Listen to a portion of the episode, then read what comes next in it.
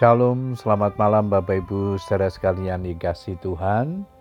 Kita bersyukur kepada Tuhan sepanjang hari ini kita boleh menikmati kasih Tuhan, pemeliharaan Tuhan, bahkan berkat-berkat Tuhan. Dan malam hari ini kembali kita berkesempatan berdoa dengan keluarga kita.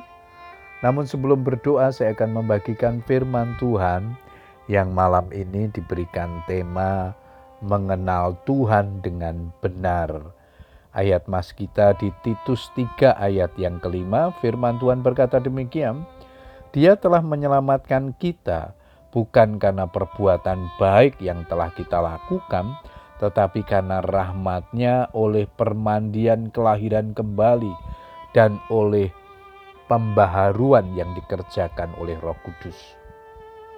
Rasul Paulus menyatakan bahwa Tuhan memberkati kita bukan karena perbuatan baik kita, melainkan oleh karena belas kasihannya.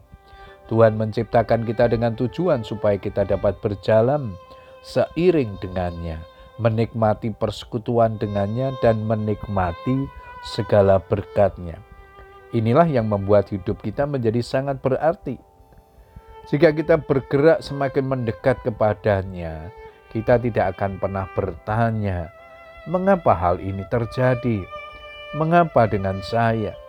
Sebaliknya, kepercayaan kita kepada Tuhan akan semakin bertumbuh dan keyakinan kita padanya akan semakin kuat. Sangatlah penting menyadari bahwa mengenal Yesus secara benar dan memiliki Dia dalam hidup ini akan membawa kebahagiaan dan keselamatan bagi kita. Tuhan Yesus berdoa, inilah hidup yang kekal itu, yaitu bahwa mereka mengenal Engkau satu-satunya Allah yang benar dan mengenal Yesus Kristus yang telah Engkau utus. Yohanes 17 ayat yang ketiga. Rasul Paulus menyatakan kerinduannya untuk lebih mengenal Yesus sebagai tujuan terpenting dalam hidupnya. Yang ku kehendaki ialah mengenal dia dan mengenal kuasa kebangkitannya dan persekutuan dalam penderitaannya, di mana aku menjadi serupa dengan dia dan kematiannya, supaya aku akhirnya beroleh kebangkitan dari antara orang mati. Filipi 3 ayat 10-11 Namun untuk mengenal lebih dalam, ada harga yang harus dibayar. Kita harus semakin karib dengan Tuhan, menyediakan banyak waktu untuk mendengar suaranya melalui kebenaran firman, sehingga ia akan terus bekerja dan membawa kita kepada pengalaman bersamanya. Sebab karya dan rencananya selalu memiliki tujuan yang baik dan tidak ada rencananya yang gagal. Tuhan adalah Bapa yang penuh kasih. Dan jika kita juga mengasihi dia, kita akan menyerahkan diri ke dalam pembentukannya apa pun keadaannya. Dan ketika kita menyerahkan hidup kita kepadanya, dia akan pergi mendahului kita dan mempersiapkan jalan bagi kita. Yesaya 45 ayat yang kedua, Aku sendiri hendak berjalan di depanmu dan hendak meratakan gunung-gunung, hendak memecahkan pintu-pintu tembaga, dan hendak mematahkan palang-palang besi.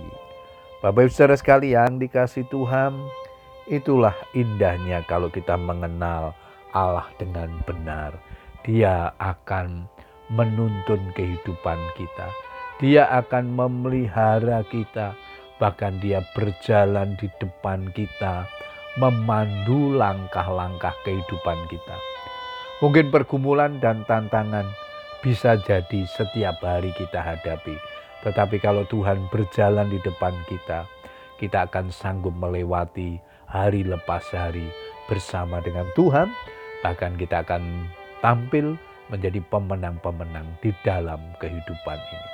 Selamat berdoa dengan keluarga kita. Tetaplah semangat berdoa. Tuhan Yesus memberkati kita semua. Amin.